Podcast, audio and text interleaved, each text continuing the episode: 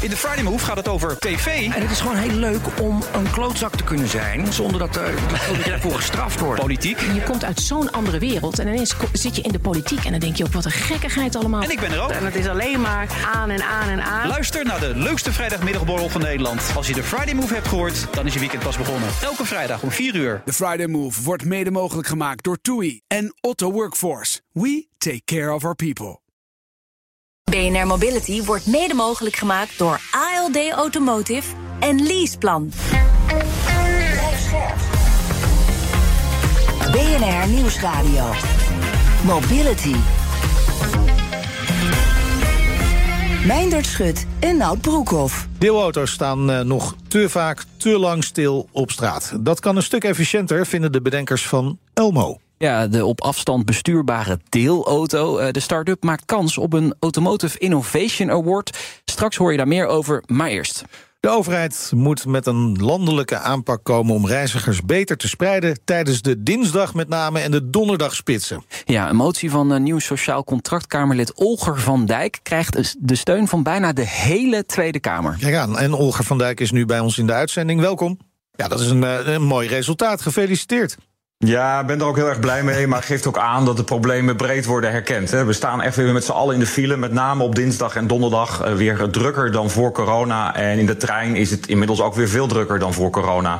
En moet je eigenlijk bijna elke dag staan, maar met name dus op dinsdag en donderdag. Ja, dus meer asfalt, meer treinen. Top, ja. Daar gaan we voor. Nou, dat zou een idee kunnen zijn. Maar ik denk dat we ook eerlijk moeten kijken naar van hoe kunnen we nou snel wat verlichting brengen in deze ellende. En ja, dan zie je ook dat veel aanlegprojecten hè, vanwege in de vertraging zitten. Dat het moeilijk is om veel meer capaciteit op het spoor te krijgen. En dan moet je naar andere oplossingen gaan kijken. Maar we hebben toch laten zien dat we het kunnen. Ja. De coronacrisis, een van de weinige positieve dingen van die hele uh, corona-ellende was dat we gewoon thuis gingen werken en er geen files meer stonden. Dus we kunnen het wel. En we kunnen het zeker. En dan helpt het ook als je een steuntje in de rug krijgt van je, van je werkgever. Want ja, je ziet toch de afgelopen twee jaar dat heel veel mensen na, zeg maar, hè, de, het, toch de, de, de lockdown die weer werd opgeheven, terug zijn gevallen in hun oude, uh, oudere gedrag. En ook vooral ja, met meer mensen uh, weer tegelijkertijd naar kantoor willen gaan. En waar we voor corona volgens mij vooral ook op de maandag, maar ook op woensdag en vrijdag nog wel eens het kantoor van binnen zagen, is dat nu eigenlijk alleen maar op dinsdag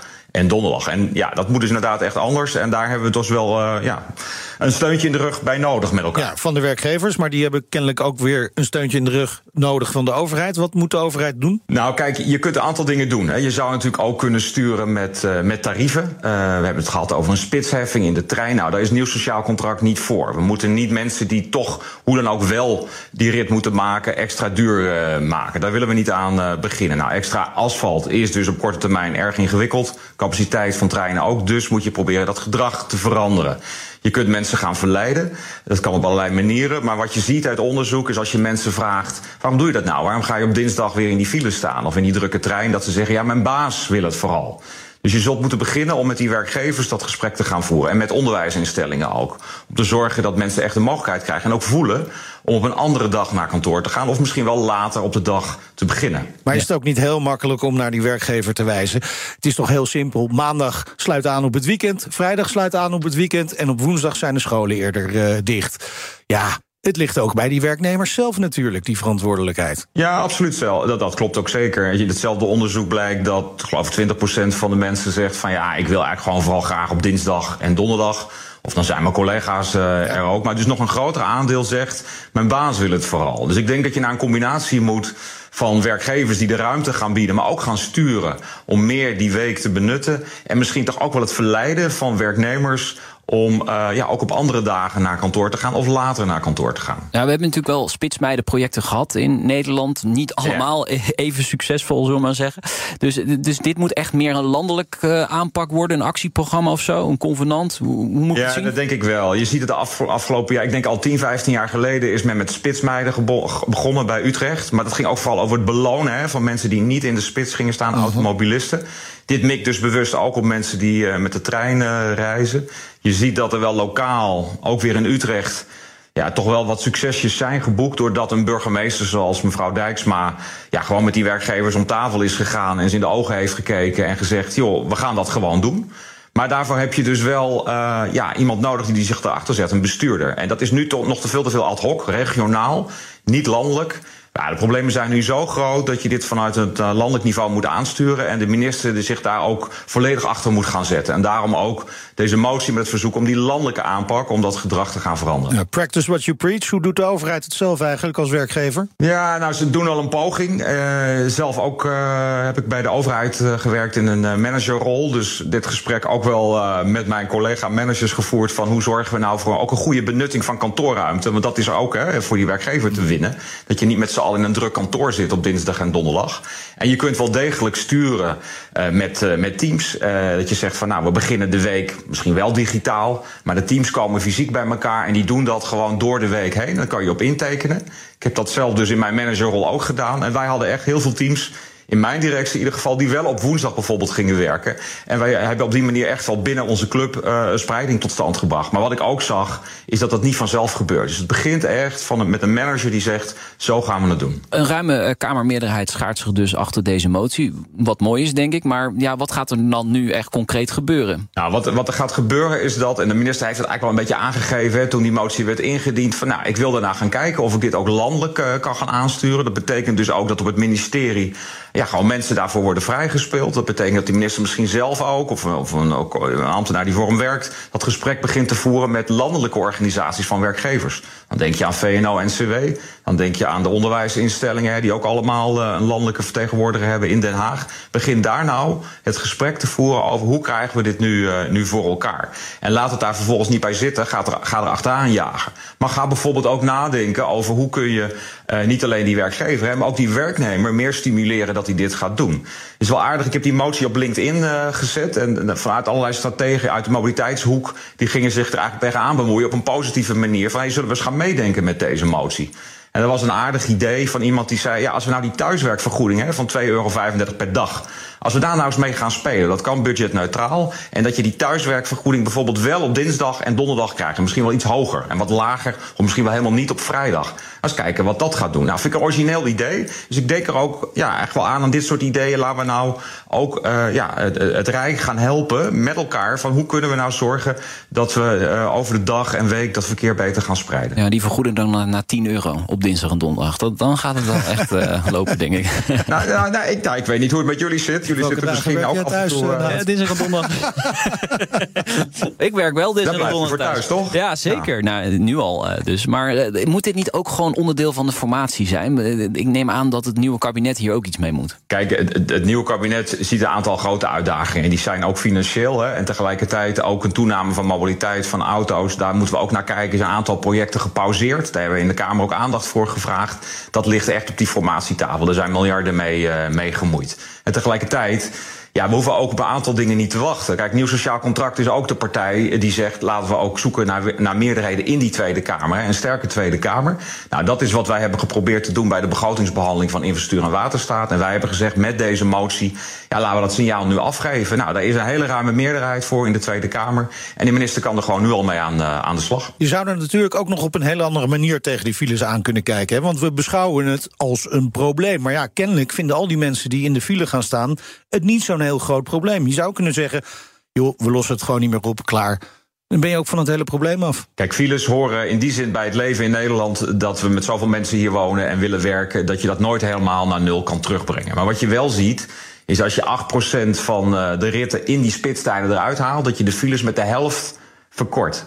Nou, ik, ik kan me niet voorstellen dat mensen daar niet blij van zouden worden. Nou, zelf ben ik uh, een frequent treinreiziger. Mm -hmm. Op dinsdagochtend serieus. Ja. Elke ochtend sta ik nu in de trein in de eerste klas. Ja, daar word je niet gelukkig van. Dat ja. moet echt anders. Echt onveilige situaties ook die je meemaakt. Ik zie allemaal ongelukkige mensen in die trein. Ja, ik geloof dat we er met z'n allen echt heel veel gelukkiger van worden... als we dat toch een beetje beter gaan spreiden. Sowieso iets meer gaan lachen naar elkaar is al een heel prettige ontwikkeling. Hartelijk dank, Olger van Dijk, Tweede Kamerlid voor Nieuw Sociaal Contract. BNR Mobility. Vanavond worden in Hilversum de Automotive Innovation Awards uitgereikt. En een van de kanshebbers in de categorie bereikbaarheid is Elmo. De op afstand bestuurbare deelauto. Alwin Bakker is mede-eigenaar van Dutch Automated Mobility. Het bedrijf achter Elmo. Welkom, leuk dat je er bent. Dankjewel. Ja. Een spannende dag natuurlijk, sowieso. Ja, het is zeker een spannende dag. Uh, het is niet uh, dat je iedere dag een awardshow kan uh, winnen natuurlijk. Dus. Nee. Hoe schat je je kans in tegen E.ON hè, met de mobiliteitsverzekering... en TomTom met Orbis Maps? Wat, wat denk je? Ja, nee, ik zeg altijd succes is een keuze. Dus ik ben gewoon van overtuigd dat wij gaan winnen. En ik heb de speech al voorbereid. Goed, laten we dan hebben over, over Elmo, hè, de op afstand bestuurbare deelauto.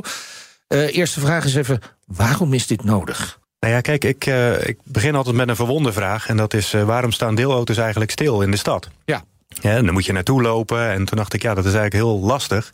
Waarom komt zo'n auto niet naar je toe rijden? Daarmee kun je ineens het eh, bereik van zo'n deelauto vele malen groter maken. Nou, dat was het basisidee. Ja, het antwoord ik- is simpel, het kan niet. Nee, ja, het, het kan dus wel. Oh. Hè, Als je dus op afstand eh, eh, kan rijden... Hè, en iemand op afstand eh, in het, achter het stuur zet... Ja, dan kan die auto naar je toe komen rijden. Dat was het, eh, het basisidee. Ja, maar het idee van een deelauto is dat die dichtbij in de buurt staat. En dat je maar een paar nou, honderden meters hoeft te lopen voor een deelauto in heel Nederland. Het aanbod moet ook omhoog. Dus dat is het idee van een deelauto, toch? Die moet niet naar je toe komen. Nee, ja, maar ja, dan staat hij wel stil en dan neemt hij wel ruimte in. Hè? Ja. En ik weet een beetje de vierkante meterprijs hier in Amsterdam. Ja, dan is een stilstaande auto is een hele dure auto. Ja, dus dat probleem willen jullie oplossen eigenlijk. Dat een deelauto te vaak en te lang stilstaat op de straat. Ja, precies. Dus je hebt nu in de gemiddelde steden staan ongeveer 10 van die deelauto's. En wij denken, ja, dat kun je halveren. Als je een auto hebt die naar je toe komt rijden in plaats van de hele tijd stilstaat. Maar hoe werkt dat dan? Met dat eh, op, op afstand besturen van een auto? Ja, eigenlijk op een hele eenvoudige manier. Hè. Dus wij hebben een eh, kit ontwikkeld en die kit die kun je inbouwen bouwen in iedere auto. En daarmee kun je eigenlijk op afstand het stuur besturen, maar ook eh, de rempendalen. En eigenlijk neem je de regie van de, van de auto over. En die bestuurder zit, waar, waar zit hij dan? Ja, die bestuurder kan dus overal zitten. Dat maakt niet uit. Die kan in eh, China gaan zitten en dan... eh, Ja, nou ja, China, ik weet niet of China het goede voorbeeld is. Want dat is altijd nee, maar bij eventjes wat wijze van lastiger. spreken. Hij kan dan ver op afstand zitten. Ja, hij kan ver op afstand zitten. En dan eh, vervolgens kan, kan hij de auto volledig overnemen. En het leuke is, ja, wij hebben de mensen dusdanig getraind... dat, eh, dat, dat ze sneller reageren dan een reguliere automobilist. Sneller. Maar dit is, dit is natuurlijk, ja, dat is nog wel interessant. Maar Ja. dit is een, een fantastisch toekomstbeeld, lijkt het. Hè? Wat, wat, je, wat je vaker hoorde. Ja, in de toekomst gaan de auto's gewoon naar jezelf toe rijden. En dan halen ze je thuis op en dan rijden ze waar, waar je naartoe wil. En jij zegt, dit doen we dus gewoon in de praktijk, kunnen we dit. Ja, klopt. Ja. Dat doen we in de praktijk. En het, eh, en het leuke is ook, het is eigenlijk op een hele eenvoudige manier. Hè, waar we in, de, in het verleden altijd keken naar slimme techniek. Hè, Ja. Kijken we nu gewoon naar mensen die een auto besturen. En eigenlijk is dat het grote verschil. Hè. Vroeger keek je echt naar, naar techniek en die techniek moest doorontwikkelen... en dan pas kon je zelf rijden. Nee, wij zeggen, ja, je kan ook gewoon een auto op afstand besturen. Hè. Dus gewoon eigenlijk de bestuurder uit het voertuig halen... en die op afstand neerzetten. En die, en die zit dan in een soort simulator eigenlijk. Ja, je moet het een ja, ik weet niet of jullie wel eens eh, racen bijvoorbeeld Ja, in nou, zo'n precies, race simulator. Nou, dat is precies dezelfde omgeving die, je die je dan hebt. En eh, dus ook de dode hoek, je kan alles zien, eh, allemaal op afstand. Met, met camera's die in die auto zitten. Ja, dus op alle plekken waar, eh, nou ja, waar je moet kijken, zullen we zeggen. Je spiegels, de binnenspiegel. Nou, eigenlijk alles wat we een beetje verleerd zijn eh, als je aan het rijden bent. Ja. Nou, op die plekken, daar zitten die Ja, camera's. maar ook. het, het wordt dus eigenlijk bijna een soort game.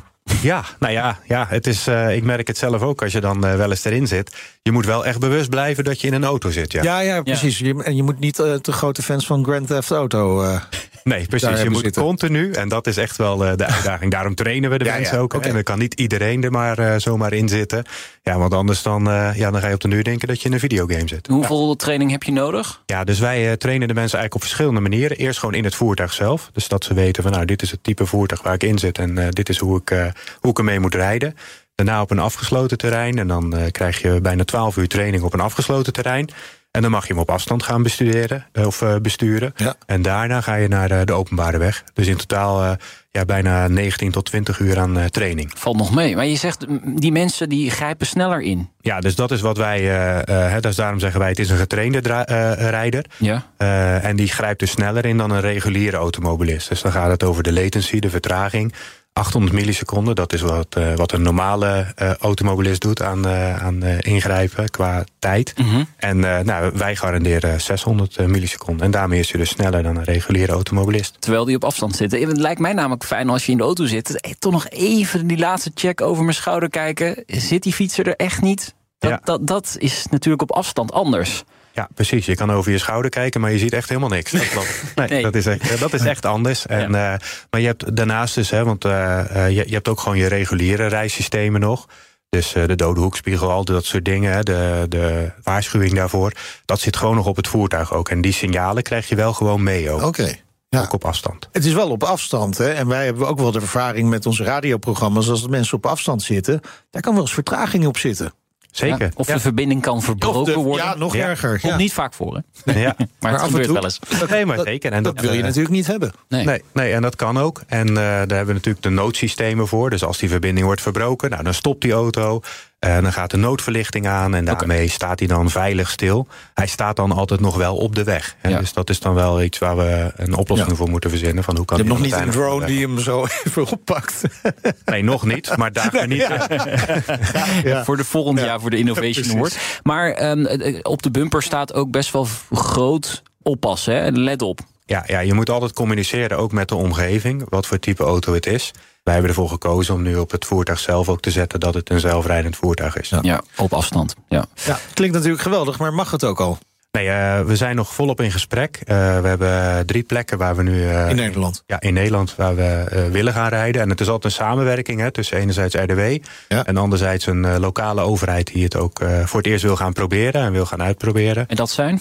Eh, Delft hebben we goede gesprekken mee, Haarlem hebben we goede gesprekken mee en ook eh, een deelauto-leverancier, eh, Arval, waar we nu eh, verdergaand mee in gesprek zijn om te kijken van kunnen wij met jullie samen dit gaan introduceren in Nederland. Ja, want voor deelautobedrijven, zijn die nou enthousiast? Want ja, minder auto's.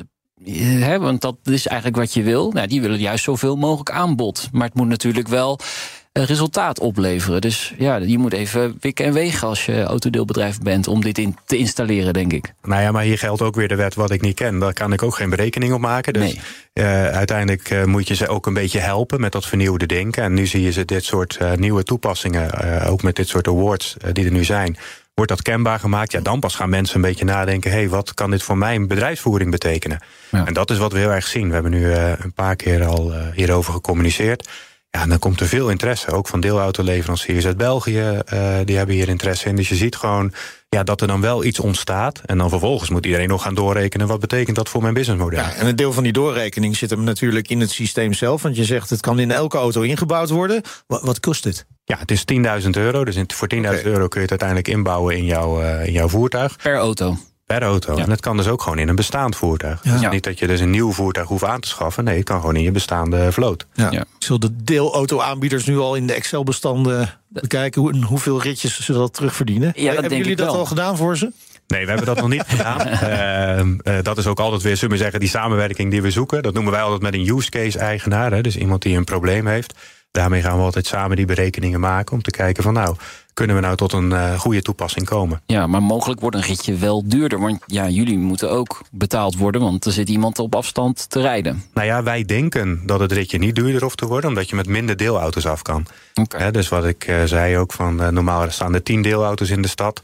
Als ze zelf rijden en ze komen naar je toe, kun je misschien wel naar vijf deelauto's in de stad. Nou, Ja. Daar zit een grote besparing. En dan wordt het misschien wel goedkoper. Ja, jullie zijn in gesprek ook met de RDW hierover, want ja, die gaat hierover, de Rijksdienst voor Wegverkeer. En hoe lopen die gesprekken? Ja, heel goed. Eigenlijk eh, merk ik sinds eh, nou, de laatste paar maanden dat er ook echt, hè, dat was even zoeken ook met Europese wet en regelgeving. Er Ja. was nieuwe wet en regelgeving, ook voor automatisch rijden. Nou, daarin was het even zoeken met elkaar. Hé, en wat betekent dat dan voor de Nederlandse situatie? Want Nederland was eigenlijk altijd een koploper. En dat zag je ook in wet en regelgeving, zag je dat terug. Maar ja, dan kwam er ineens Europese eh, regelgeving. Ja, en dat is wel, zullen we maar zeggen, leidend. Ja. Ja. toen was het even schakelen, ook hier in Nederland. Van hé, maar wat betekent dat dan voor hetgeen wat hier allemaal ligt aan wet en regelgeving? Ja, en de RDW is niet makkelijk hè, met eh, de- dit dossier de laatste jaren. Nou ja, het is zoeken met RDW samen geweest van hoe kun je nou veilig dit toelaten. Nou, ze zijn eh, heel voorzichtig. Ja, ze zijn voorzichtig geworden. Maar dat lag dus ook een beetje aan dat Europese kader. Dus het is een beetje. Kijk, je kan wel risico nemen. En eh, er zitten wel degelijk ook mensen bij RDW die wel degelijk risico willen nemen. En eh, nou, willen gaan zoeken naar wat is er mogelijk. Alleen er moet er wel een juridisch kader zijn. En dat was eh, eventjes de afgelopen maanden het zoekproces waar we in zaten. Ja, maar het helpt misschien wel om te laten zien dat het al werkt ergens anders in de wereld. Waar in de wereld gebeurt dit of kan dit al? Ja, het is al op 200 plekken actief in, Oh. eh, in, de, in de wereld. Ook, eh, ook eh, in Europa. Nou, het goede voorbeeld daarbij is, is Estland, waar, waar het al gewoon in de stad actief is. Het is er al op heel veel plekken. En wij geloven hier ook heel erg in. Ja, eh, leren door het te laten zien. Wij nodigen ook steeds de partijen uit. eh, bij ons in ons eh, testcentrum. We hebben een testcentrum in Rotterdam.